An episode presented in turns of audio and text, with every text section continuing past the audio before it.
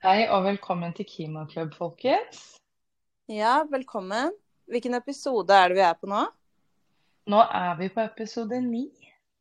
Ja, det var vel, Sist så sa vi vel feil, gjorde vi ikke det? Jo, sist episode så sa vi feil, så denne gangen har vi, har vi passet på at vi vet hvilken episode vi spiller inn. Ja. Det er ikke så lett å holde styr alltid. Nei, det, det går litt i surr av og til, altså. Ja. Har du lyst til å fortelle alle sammen hva vi skal gjøre i dag? Ja, folkens. I dag så skal vi ha en litt annerledes episode enn det vi pleier. Det er jo Eh, halloween. Eller halloween er jo offisielt ferdig, men det var halloween på tirsdag, og dette her kommer jo ut på søndag. Så det er Ja. i halloween-uka. Stemmer. Og da hadde vi lyst til å gjøre noe som sto litt i tråd med det, men som fortsatt er relevant.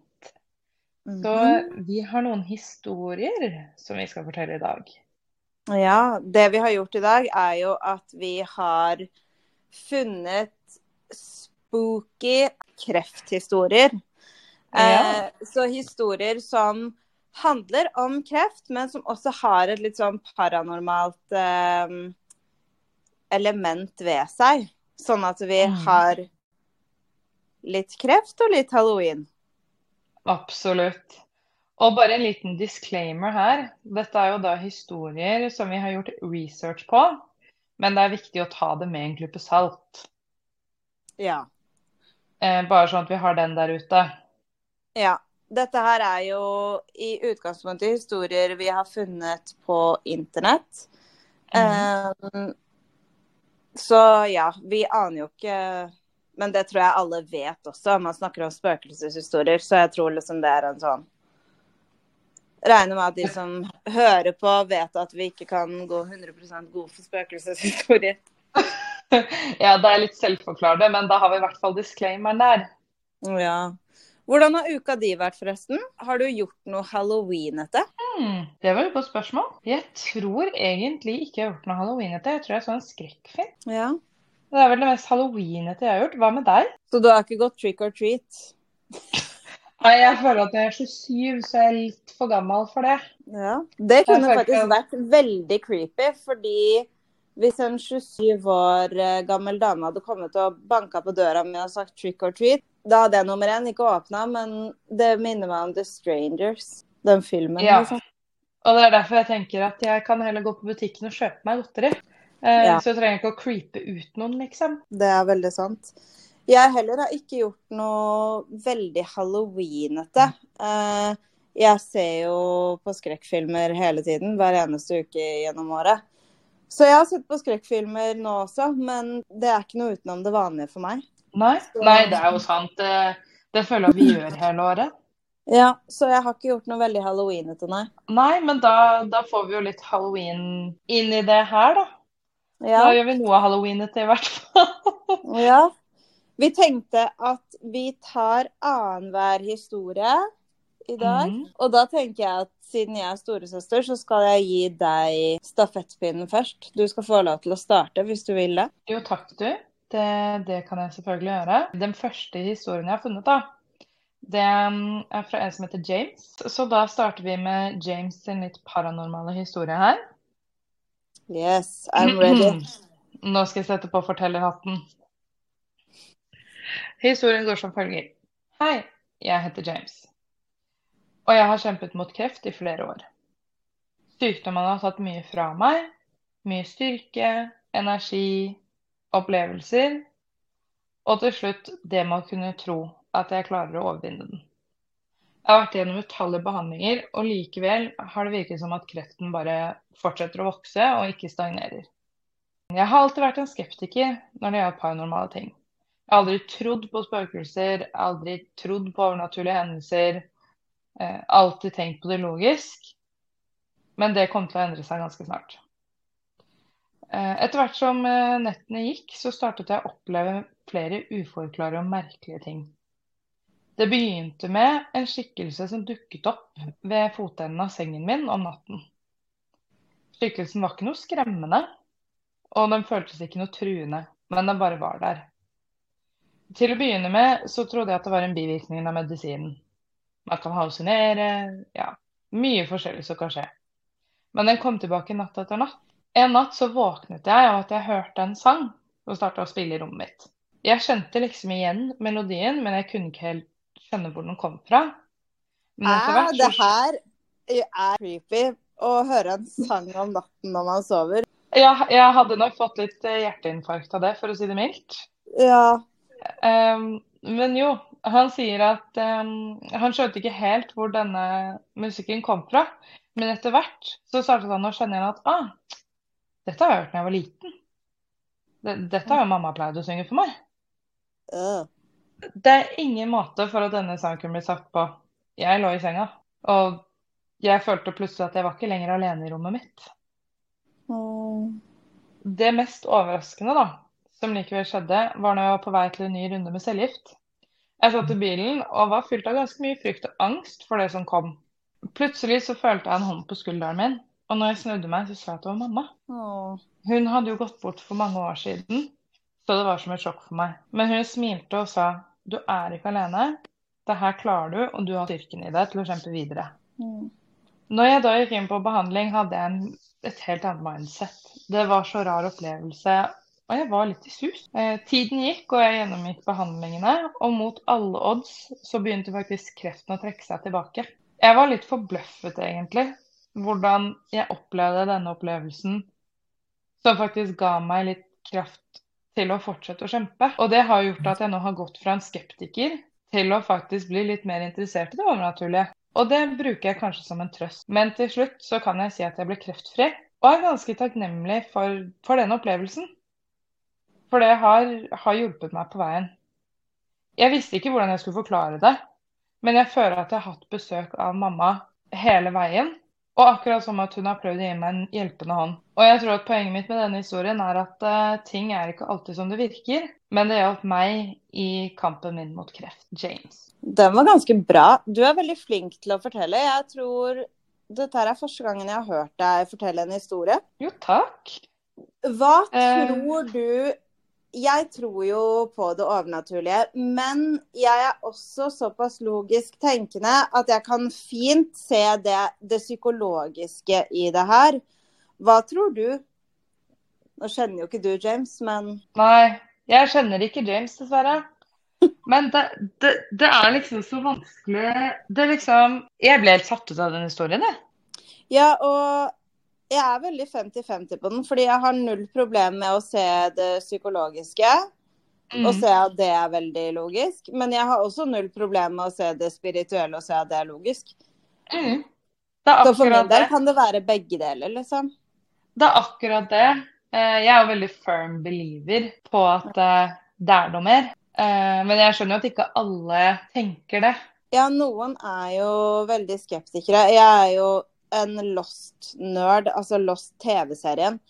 Mm. Og i den serien så er det et spørsmål som går igjen flere ganger, som er eh, Og han, de sier jo man, da, men eh, Mm. Are you a woman of eh, faith or a woman of science? Og Mm. jeg er en woman of faith. 110% through and through. Så jeg kan fint tro på det her, men jeg kan også se det psykologiske i det. Ja, men det er akkurat det. Man kan liksom Man kan se begge deler, og det er bare Hele historien er så rørende. Ja, og så er det jo veldig fint hvis det er sant, så tenker jeg at det er jo en dritkoselig historie. Jeg syns det var creepy først med det der musikken i rommet. Jeg blir litt sånn Hvis f.eks. pappa, da, som er død, skal komme tilbake og hjemsøke meg, så kommer jeg til å bli ganske pissed hvis han begynner å spille musikk midt på natta. For det er sånn Ikke gjør skumle ting. Det er litt unødvendig, liksom. Det. eh, ja, bortsett fra akkurat den musikken midt på natta, så syns jeg det var en veldig hyggelig historie. Ja, men det er akkurat det. Hvis eh, noen hadde gjort det mot meg, hvis du hadde dødd og eh, midt på natta begynt å spille musikk, så hadde jeg tenkt nå er du et rasshøl. Kanskje mamma Jo, men vet du hva, den Jeg holder med den. Fordi det er sånn, for det første, nattesøvn i den familien jeg er fra, eksisterer jo ikke. Så det. det er litt sånn, vær så snill, de få timene man har, gi meg de i fred, på en måte. Ja, det er creepy. Men OK, akkurat det. skal jeg eh, ta min første historie? Historien jeg har funnet, det er det er ikke en enkeltperson. Det er om et hotell som heter Crescent Hotel. Eh, jeg vet ikke om du har hørt om det før? Nei, jeg kan ikke påstå det. Nei. Det er et uh, hotell som før var et kreftsykehus uh, i 1937. Oi. Mm. Og det ligger i Eureka i Arkansas, som er i USA, for de som ikke vet det. Um, og da var det et kreftsykehus i 1937. Mm. Uh, og nå er det kjent som et av de mest hjemsøkte stedene i USA. OK. Um, det ble kjøpt av en som het Norman Baker, Uh, og han kjøpte det på slutten av 1930-tallet. Og Mm. han var en lurendreier, som man kaller det. Ja. Han utga seg bl.a. for å være lege, Mm. og sa jo da at han hadde den rette kuren til kreft. Han sa at stråling og cellegift var feil, og at alle andre leger kurerte eller prøvde å behandle kreft på en helt feil måte, men at han hadde funnet eh, svaret, da, så han hadde kuren til kreft, rett og slett. Ehm, og det var da blant annet injeksjoner var liksom det som skulle ta, ta knekken på kreften. Ja. Og i de injeksjonene eh, så var det vannmelonfrø, maissilke, som er liksom en maiskolbe Når du har det grønne på, så er det sånn tuster, nesten hår, øverst på maiskolben. Ja. Ja, ja, jeg skjønner hva det er. Ja, og så var det kløver og ja. Og dette her sa jo han da at skulle være kuren til kreft. Så det han gjorde, var at han tok penger fra døende og veldig syke folk og lurte de å trille rundt. Og når folk begynte å uttrykke at de var skeptiske, så låste han de inn i en annen del av sykehuset som han kalte for asylum ward. Altså asylumavdelingen. Mm. Og selvfølgelig så døde jo pasientene, ikke direkte av injeksjonene, men de hadde jo kreft og ble jo ikke behandlet for det, ikke sant? Så Ja, ja. de døde jo naturlig da av kreft. Ja. Og det som var synd, var at når han ble til slutt eh, tatt, han ble til, dømt i 1940, Mm. og da fikk han fire år i fengsel. Fire år? Mm. Oh Og det er jo fordi at han ikke direkte tok livet av noen, så fikk han bare fire år. Ja. Så det er jo jævlig urettferdig. Og han Han døde egentlig i fred og ro. Hadde et veldig komfortabelt liv frem til han døde, som var i 1958. Mm. Og en liten fun fact, da. Vil du gjette hvor mye han tjente i året på å drive det sykehuset? Oi, godt spørsmål. Um, mm, mm. Eh, En billion? En billion i 1937? Kanskje litt høyt? Jeg tror jeg bare sier hva han tjente. Han tjente fem millioner i året. Fem mill.? Oh Ja, og det her var i 1937. Ja. Det er helt insane mye penger for å drive med det der. Ja, du kan tenke deg, det her er jo eh, gjennom å lure folk. Folk som er ekstremt sårbare. Så han, han Norman Baker, han var jo i hvert fall fullstendig jævlig. Det kan man jo si med en gang. Ja, fy fader, ass. Ja, Men sykehuset i dag, er det, er det lagt ned, eller hva, hva skjedde med det, liksom? det er et hotell. Det er et hotell, ja. Mm, som man kan bo på, og de har ghost tours. Ja. Uh, så de har jo gjort Du kan også ha bryllup der. Uh. Og det er spa. Så de har jo De har liksom lagd hele konseptet rundt det her, da. Ja, ja, ja. Um, og det som er at før, på den tiden her, så var det jo sagt at vannet som eh, er ved hotellet Hotellet ligger i Eureka Springs. Mm. Um, og da gikk det rykter på den tiden her om at vannet hadde en helbredende effekt. Så selvfølgelig så tok jo han og utnyttet det også for alt det var verdt, da. Jøss, det er helt sykt. Mm. Eh, det er mye, mye rare mennesker i verden. ja. Og han drev jo da dette sykehuset i to år cirka. Før mm. han ble dømt for svindel i 1940. 1940, ja. Mm. Han holdt på en liten stund med dette her. Ja, han gjorde det. Og i kjelleren så var det jo likhus. Så Uh. det sier seg jo selv at det er jo veldig sånn uh, nå. Ja. Um, OK. Og da kommer jeg til spøkelsesdelen av denne historien. Uh -huh. uh, og da er det jo sånn at dette her er jo et hotell i dag, så du kan teknisk sett booke deg et rom der hvis du har veldig lyst. ja. Eh, vet ikke hvor hyggelig det er å bo der, men det går i hvert fall an. Jeg skjønner ikke hvem som har lyst til å utsette seg selv for sånne ting. Det der å snakke med spøkelser og sånn, det gjør ikke jeg. Drive og leke med Ouija-board og alle sånne greier. Jeg, jeg forstår ikke hvem som er dum nok til å drive med det. ja, men det burde ikke vært lov. Nei, eh, men det kan man i hvert fall eh, leke med her. Så du kan dra og sove i dette hotellet. Og så er det jo sånn spøkelsesvandring, heter det vel på norsk. Um, Og den vanligste tingen, eller en av de vanligste tingene som folk ser her, er det ene rommet eh, som er i hotellet. Det er rom 419.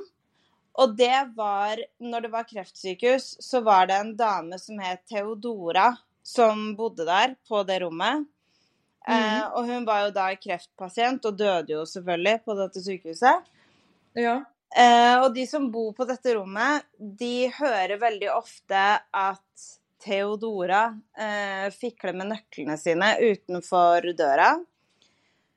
De opplever også at rommet blir rydda Jeg syns at Theodora høres ut som det beste spøkelset. Jeg kunne hatt Theodora her.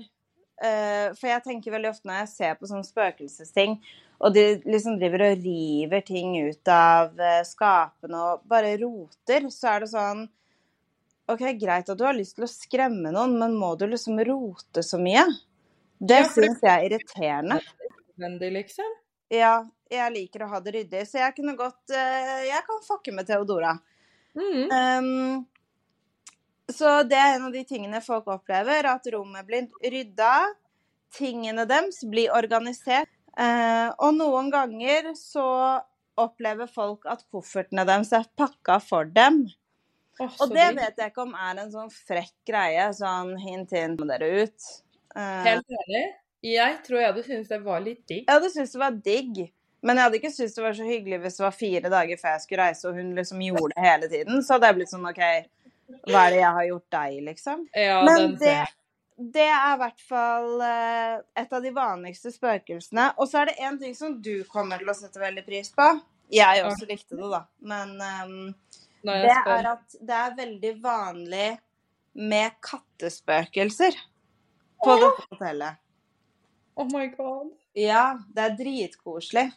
Ehm, og en av de spøkelsene man ser mest, det er Morris, som er en langhåra katt. Oh my god. Ja. Og han bodde tydeligvis på hotellet i 21 år. De kalte han liksom hovmesteren på hotellet. Og han er der ennå. Altså, det er den Jeg tror det er kanskje den største grunnen for at jeg hadde ville dra dit. Ja, Om det er politisk korrekt å si. det er politisk korrekt å si, men jeg hadde ikke syntes det var verdt det. Nei. For et kattespøkelse, liksom. Det er sånn eh, Det er ingenting som kunne fått meg til å sove på dette hotellet. Nei, det blir vel mer Dessverre ikke engang Morris. Nei, så da hadde jeg nok hatt med meg eh, Jeg må si beskyttelse. Det, jeg vet ikke helt hva jeg skulle hva da? Bievann? Det er litt sånn Hva skulle du beskytta deg med? Du er på en måte screwed hvis de er slemme, da, hvis du skjønner. Ja, det er akkurat det. Og så vil jeg heller ikke ha med meg noe hjem, liksom. Nei, jeg, jeg hadde nok klart meg uten. Ja. Eh, en annen ting som de som jobber der veldig ofte ser, og dette her også er dritkult, egentlig det, Jeg leste jo det her eh, på engelsk, og da var overskriften for akkurat det her var 'Ghost Parties in the Morning'. Og jeg ble sånn det der er det skitt. Fordi ofte så hører man om spøkelser som liksom jeg vet ikke, gjør kjedelige eller unødvendige ting. Sånn i utgangspunktet, de som går igjen på jobb, det er ofte en ting man hører at ja, han var eh, vaktmester der i 45 år, og nå går han igjen og leter etter skrutrekkeren sin. Og jeg blir sånn Ja vel, det er jo jævlig kjedelig for deg. Hvis du hvis det du gjør hele uh, etterlivet, er liksom å gå igjen og være på jobb. Det er akkurat det. Ja, det syns jeg ikke høres så kult ut. Så det her var mye hyggeligere å høre. Ja, For da er det rett og slett en gjeng med spøkelser som de veldig ofte ser drikke og danse i spisesalen. Altså, det er jo ganske kult. Det er litt sånn, jeg holdt på å si goals. Ja, altså, de har fest, liksom. Åh, så gøy. Eh, og på den spøkelsesvandringa så er det veldig ofte at man lukter kirsebærtobakk i andre etasje. Det er liksom en ting som veldig mange som er på den, melder om, da. Blant annet en dame som, når hun kom opp i andre etasje, så ble hun overveldet av lukten av kirsebærtobakk. Yes. Eh, og da gikk det faktisk to år før hun helt random hørte at en av legene som jobbet på um, sykehuset der, hadde kontor i andre etasje, og at han var kjent for å røyke pipe typ hele tiden. Og Mhm. at det han alltid røyka, var kirsebærtobakk. Yes. Dun. Dun-dun-dun. Mm. Og så er det en dame som har um, sett en mann når hun var på spøkelsesvandringa. I gangen så hadde de drevet og gått, og Mhm. da hadde det plutselig kommet en mann bort til henne og prikket henne på skulderen og sagt 'hva med behandlingene mine'? Mm. Og så snudde hun seg bort, og når hun snudde seg tilbake, så var han borte. Så det er jo sikkert en gammel pasient da, som døde pga. han Norman. Nå driver Hammond og går rundt og brekker seg i bakgrunnen, så det er det som er lyden dere hører. Beklager det. Den lille lydeffekten. Ja, det lille spøkelset her hjemme. Ja. Og så var det en gjeng som var på spøkelsesvandring, og de hadde tatt masse bilder. Og på det ene bildet de hadde tatt, så var det da et omriss av en liten jente. Mm. Um, og det de fikk høre på spøkelsesvandringa, blir å ta bilder mens de er på vandringa. ja. Uh, og så driver de og ser på bildene, da, og så ser de liksom et tåkete omriss av en um, liten jente. Og da står de i trappeoppgangen når de driver og viser det her, så sier de jo sånn til de andre at å, shit, se her, det er bilde av en liten jente her, og ser du det, og de står og holder på med det her, da. Og da sier han ene guiden at ja, nå skulle jeg akkurat til å fortelle dere at mens hotellet ble bygget, så var det en liten jente som datt ned og døde akkurat her hvor vi står nå. Oi. Ja, Ja. Så det var også creepy. Ja, det er mye creepy på det hotellet der, ass. Ja, jeg hadde ikke villet eh, bo der, rett og slett. Og så hører man liksom skrik hele tiden, og ja. Jo, men det der, det minner meg så sykt om det derre Cecil Hotel. Og ja, med den derre heisdama. Ja, det, det er jo også et av USAs mest hjemsøkte hoteller. Ja, det var jo den ene sesongen av American Horror Story. The Hotel, tror jeg den het. Det var med Lady Gaga, faktisk, var med i den. Eh. Og jeg mener at det er i stor grad basert på Cecil Hotel. Ja, men jeg tror det, og jeg tror det er der mye av inspirasjonen er tatt fra. Mm. Jeg får helt gåsehud, det. Ja, det er creepy. Ja, det er så jeg kjenner pulsen min liksom Jeg vet ikke, går opp litt. Og akkurat det derre bildegreiene, mm. det er jo sånne ting som jeg Hvis jeg ser sånne bilder eller hører om sånne bilder, så tenker jeg med en gang sånn Ja, det her er juks. Men det er jo et bilde som jeg aldri eh, For selv om jeg tror på sånne ting, så er jeg også veldig skeptisk. Jeg tror ikke på hvem eller hva som helst. Mm. Men det er jo et bilde jeg aldri har kunnet forklare, og det er jo det bildet du tok. Ja. Jeg vet ikke om du har lyst til å fortelle om det, men jeg bare kom på det nå. At det, det minnet meg litt om det. Det passer jo egentlig ganske bra inn her, for det var, hele den opplevelsen var jo sjuk. For det var jo ikke bare det bildet. Um, så det som er konteksten her, da, folkens, bare sånn at dere skal skjønne litt, var bestefaren vår hadde døde. Han hadde 80-årsdag. Ja. 80-årsdag. Og da hadde de booket eh, Hva kaller man det? Gabels hus, Gabel- mener jeg det. Ja. Og det er et veldig veldig gammelt hotell som ligger i Oslo. Kjent for å være veldig hjemsøkt, da. Um, så det som skjedde var at vi satt rundt uh, et sånt langbord og spiste middag sammen, alle sammen. Og du vet, hvor gammel var jeg? 16? Du var i hvert fall i selfie-alderen. Det er det eneste jeg vet. Det, jeg, ja. Det, ja. Jeg har ikke noe annet å si enn ja. og du vet, da satt jeg og tok en selfie, og så så jeg på det, tenkte ikke noe mer på det, la bort telefonen. Du tok jo dritmange selfies òg. Ja, det var liksom ikke bare ett. Men jeg husker at fra vi gikk inn der, så hadde jeg en veldig rar magefølelse. Kan ikke forklare det. Men jeg husker at da jeg gikk inn, så fikk jeg gåsehud oppover armene. Ja. Og det er litt sånn, jeg tror ikke jeg tenkte så mye på det da, som det jeg gjør nå, hvis du skjønner. For jeg tror man reflekterer sånne ting i ettertid. Men i hvert fall. Eh, og så tar jeg disse bildene, tenker ikke noe mer over det, og kvelden går. Og så drar vi jo hjem alle sammen. Eh, og så ligger jeg jo da og ser på telefonen, ikke sant. Og skal inn og Hvilket bilde skal jeg legge ut på Instagram nå? Og så når jeg går inn på bildet, så ser jeg jøss, var, var det noen flere gjester vi hadde der? For det sitter en mann i bakgrunnen. Ja, og det var jo det også, at det var kun vi som var der. Vi hadde jo rommet for oss selv. Ja, vi hadde jo leid hele det rommet, så det var ingen andre enn oss der.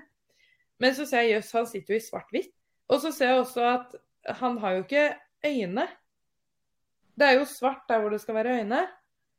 Og personen har liksom ikke noe eh, Hva kaller man det? Features. Altså Du ser bare at han har skikkelig skinnbein og er helt hvit i ansiktet og har sorte øyne. Ja, for det er jo et veldig diffust bilde, egentlig, av han. Det er det. Eh, nei, men også driver jeg jo og ser på dette bildet, da. Og da skvetter jeg jo til. Når jeg liksom får bekrefta at det var bare oss der. Så jeg løper jo bort til mamma mens jeg hylgriner. Det er det. Ja, du vet. Helt total mental breakdown. Så jeg husker mamma ringer til meg, og i bakgrunnen så hører jeg at du hylgriner. Mm. Og pappa var jo veldig Han var jo tidenes skeptiker, egentlig, men til og med han sa til meg han bare Pernille, jeg vet ikke jeg vet ikke hva jeg skal si om det bildet her. Det er, du kan se på det selv, og det er hva det er. Og du satt bare og grein i bakgrunnen, husker jeg. Mm. Og det var da jeg tenkte at OK, de lyver jo ikke til meg. Ingen av de kan Photoshop, og det her er jo ikke tull. Det var liksom da jeg skjønte alvoret, at det her er faktisk ekte. Det er akkurat det, og jeg tror at det er litt sånn når man først ser det, så er det litt sånn Hæ, men dette kan jo ikke være ekte. Sånn som du sier, og så når man ser på det igjen, så er det sånn Oi, jo, vent litt. Så Ja, det var når jeg hørte dere. Ja, altså jeg hadde jo total panikk, og det som Det som jeg tror traff meg da, var litt sånn Oi, hva er det her? Er dette noe som liksom Du vet, sånn som du ser på film. Ja.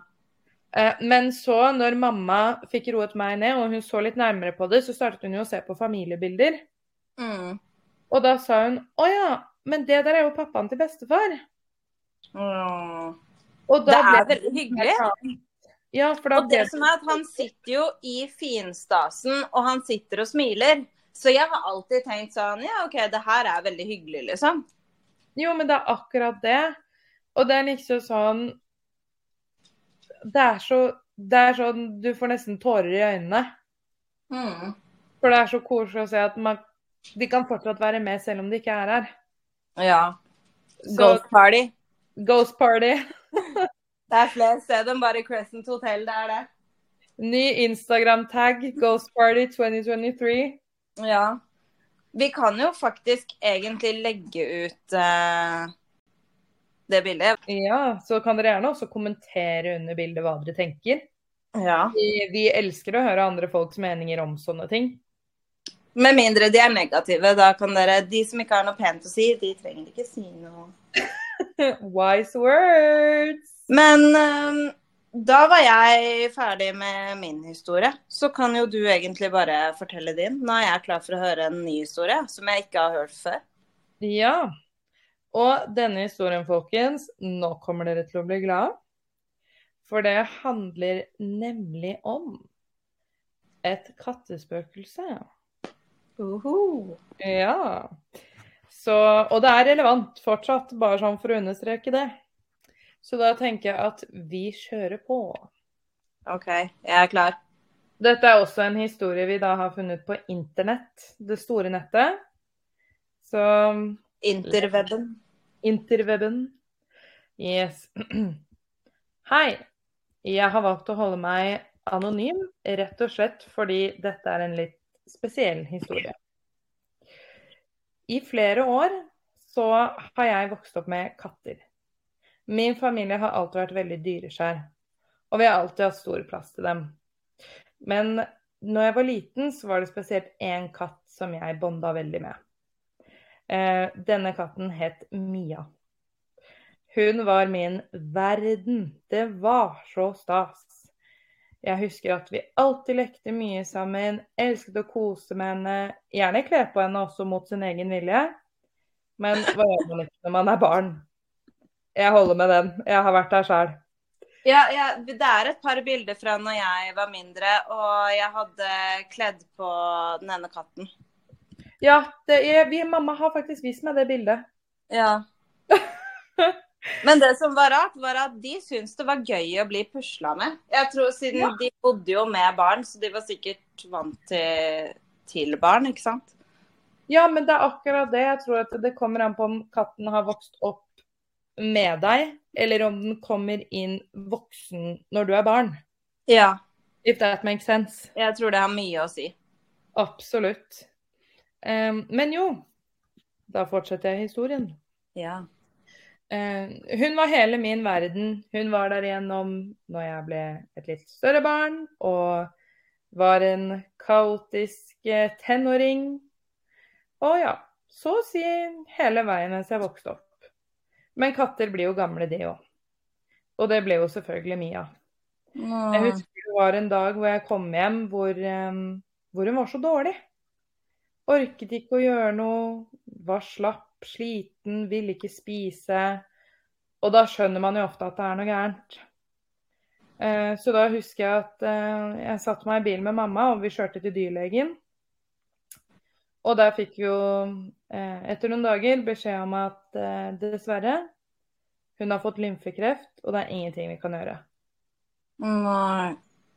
Eh, og da fikk vi jo beskjeden da, om at dette var lymfekreft med spredning, ingenting vi kan gjøre. Um, eh, og da raste hele verden min sammen. Um, dette var jo en katt jeg hadde vokst opp med. Uh, og det ble rart at den nå skulle bort.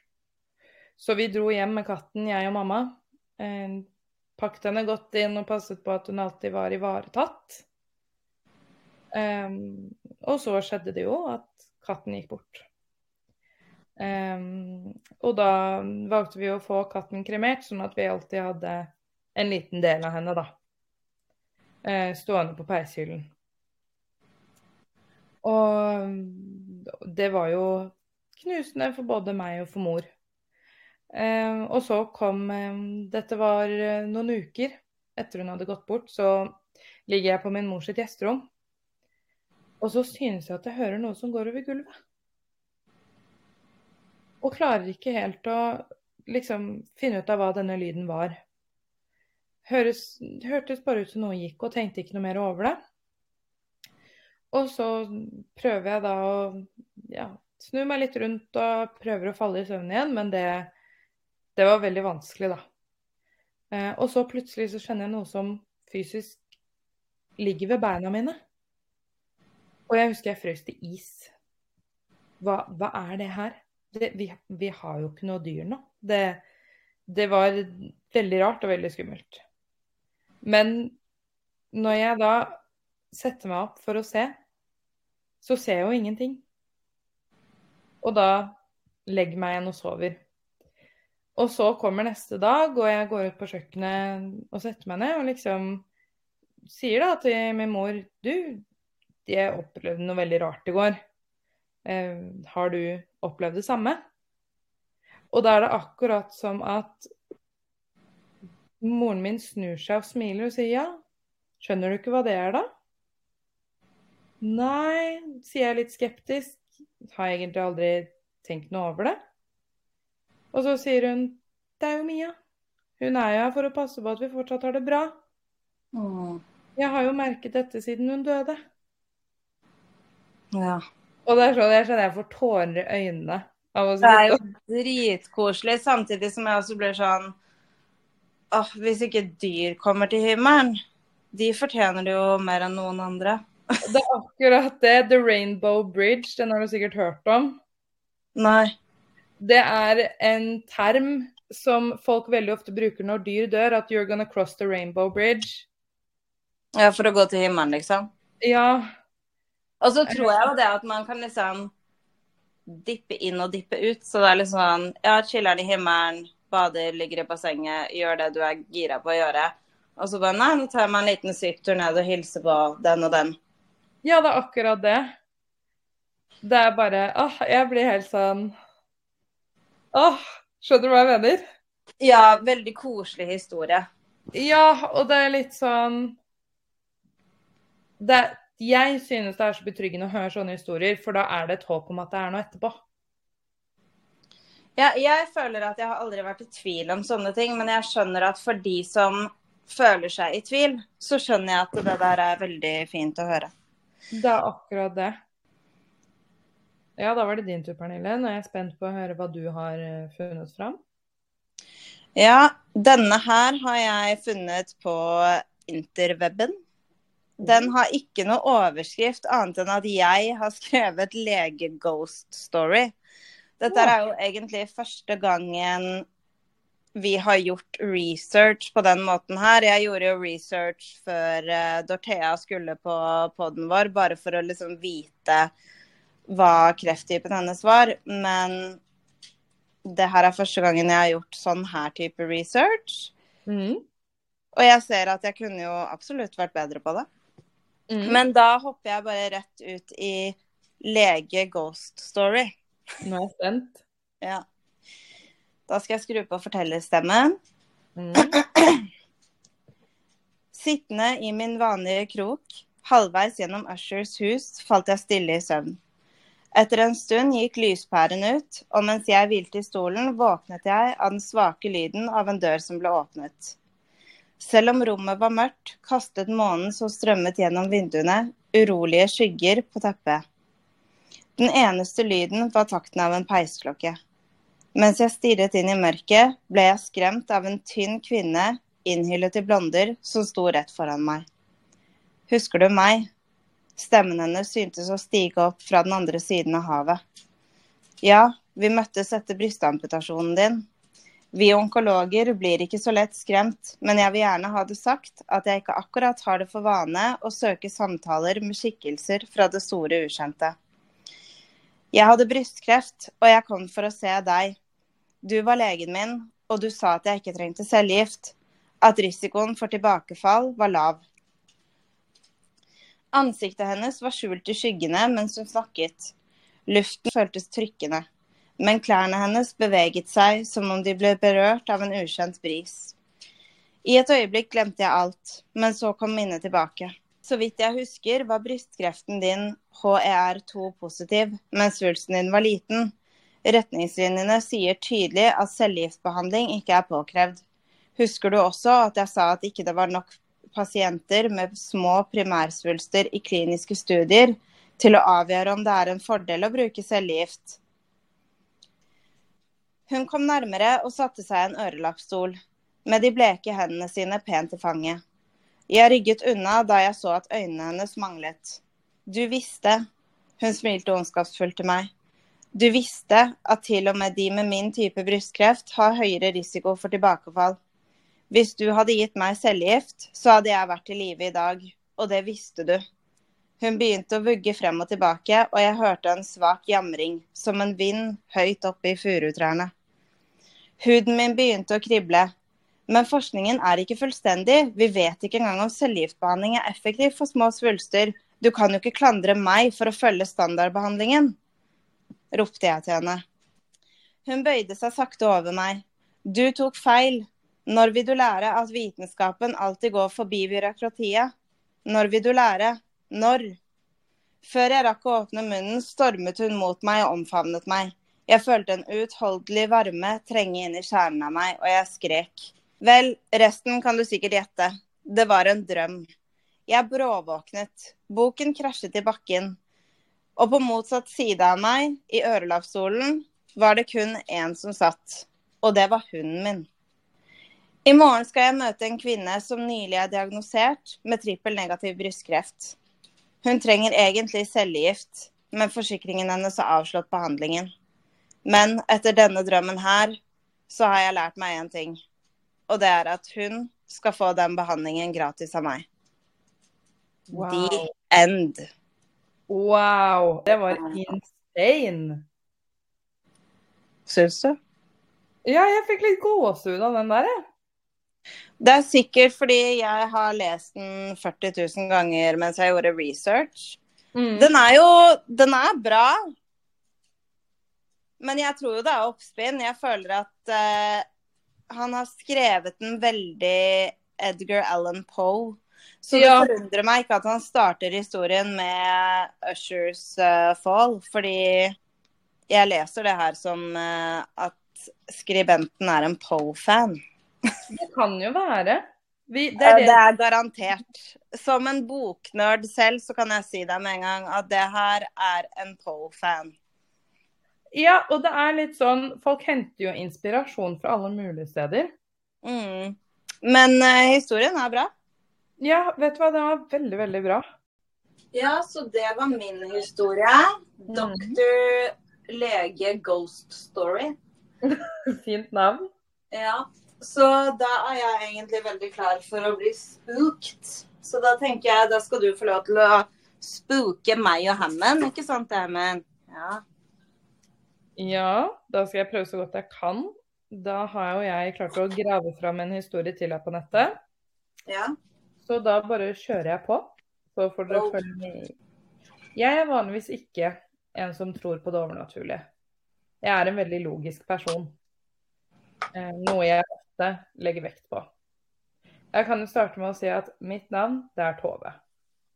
Jeg er en eh, godt voksen dame som har eh, klart å etablere meg ganske greit, og endte opp med to nydelige barn. Det som eh, endret seg litt for meg, var når jeg fikk diagnosen tarmkreft. Hele livet mitt ble snudd på hodet. Jeg klarte ikke å tenke logisk lenger. Nå skjønte jeg at det var følelsen som tok over. Når jeg skulle dra hjem den dagen, så skulle jeg prøve å leve så normalt som mulig for barna mine. Fungere som en vanlig mamma, lage mat, tulle, se på TV. Ja, fungere som jeg skulle. Dagen jeg fikk denne diagnosen, så følte jeg meg utafor. Så jeg bestemte meg for at nei, nå legger jeg meg på sofaen og, og prøver å sovne med TV-en på. Jeg hadde ikke fått noe informasjon om prognose, ingenting enda, men bare konstatert at ja, du har kreft. Så jeg sovnet selvfølgelig med TV-en på. Men midt på natten så kjenner jeg at noe stirrer på meg. Rommet ble kaldt, og jeg tenkte hm, jeg må sikkert ha åpnet et vindu som jeg har glemt å lukke. Fortumlet så våkner jeg og ser meg litt rundt. Rommet har en helt rar farge. Det, det er nesten lyst opp. På dette punktet hadde TV-en skrudd seg av. Jeg prøvde å lukke øynene igjen fordi jeg tenkte at hjernen min må spille meg et puss. Men så kjenner jeg noe som tar på dynen min. Bretter øynene mine opp. Og jeg hører en stemme som er kjent, men jeg klarer ikke å se hvor den kommer fra. På dette punktet hadde jeg gåsehud oppover armene og beina. Jeg prøver igjen å lukke øynene og bare tenke at dette er hodet mitt som spiller meg putt. Men den tredje gangen jeg våkner, da våkner jeg av at noe setter seg ved siden av meg. Og det jeg ser da, er min bestemor. Jeg var helt sjokka og visste ikke hvordan jeg skulle reagere. Jeg klarte ikke å ytre noen ord. Og da sier min kjære bestemor du trenger ikke å si noe.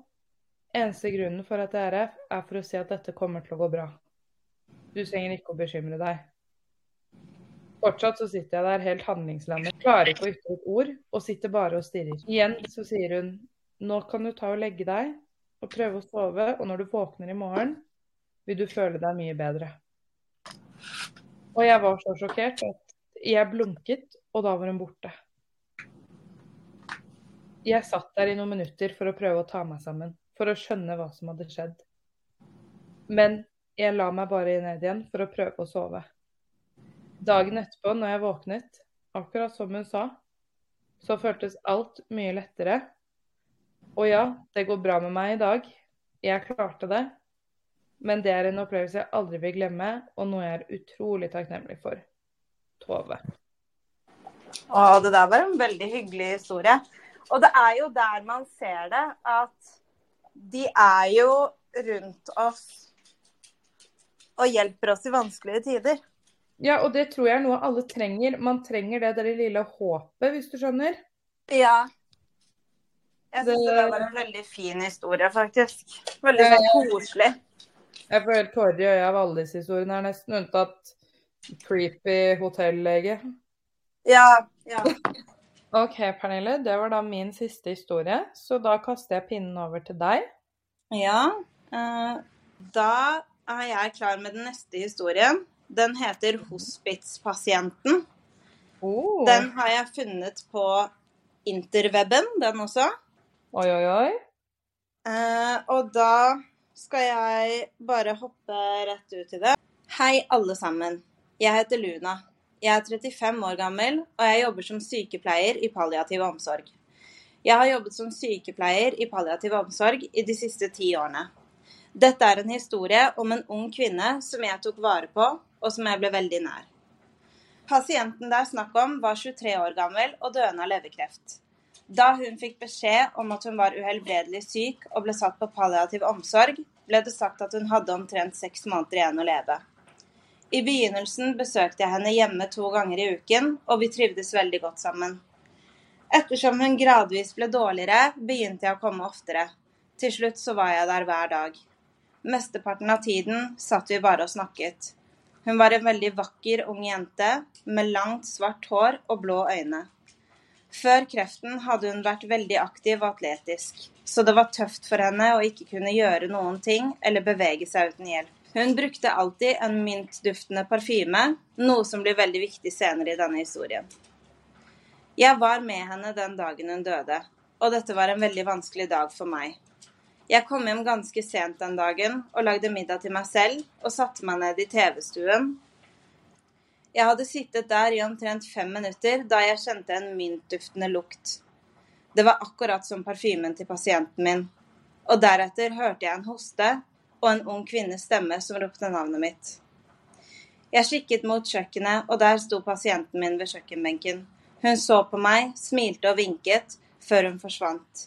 Jeg tror at det var hennes måte å si at hun hadde det bra på. Av og til føler jeg fremdeles at hun passer på meg, Spesielt hvis jeg har hatt en tøff dag. The end. Det finnes veldig mange lignende historier jeg har hørt. Eh, hvor det er liksom en lege eller en sykepleier, altså det type yrke der. Og at de møter, eh, møter på tidligere pasienter. Jo, men det tror jeg ikke er så rart, fordi de er jo så tett på, ikke sant? Ja. Og de er jo der på en, gjennom liksom alle disse fasene. Ja, og på slutten av livet, ikke minst. Så det der er en historie jeg føler at jeg har hørt flere ganger eh, på forskjellige måter. Så det der er nok noe som skjer med jevne mellomrom, tror jeg. Ja, og det er nok ikke så rart, fordi jeg tror ut ifra det jeg, jeg tror, da, er at de er sikkert så takknemlige for at noen er der i livets slutt, ikke sant? Ja. At det blir en sånn takk for at du var der. Takk for at du så meg. Ja, og sikkert en litt sånn derre eh, nå vet jeg at ting er vanskelig for deg fordi du ser på mye død hver dag.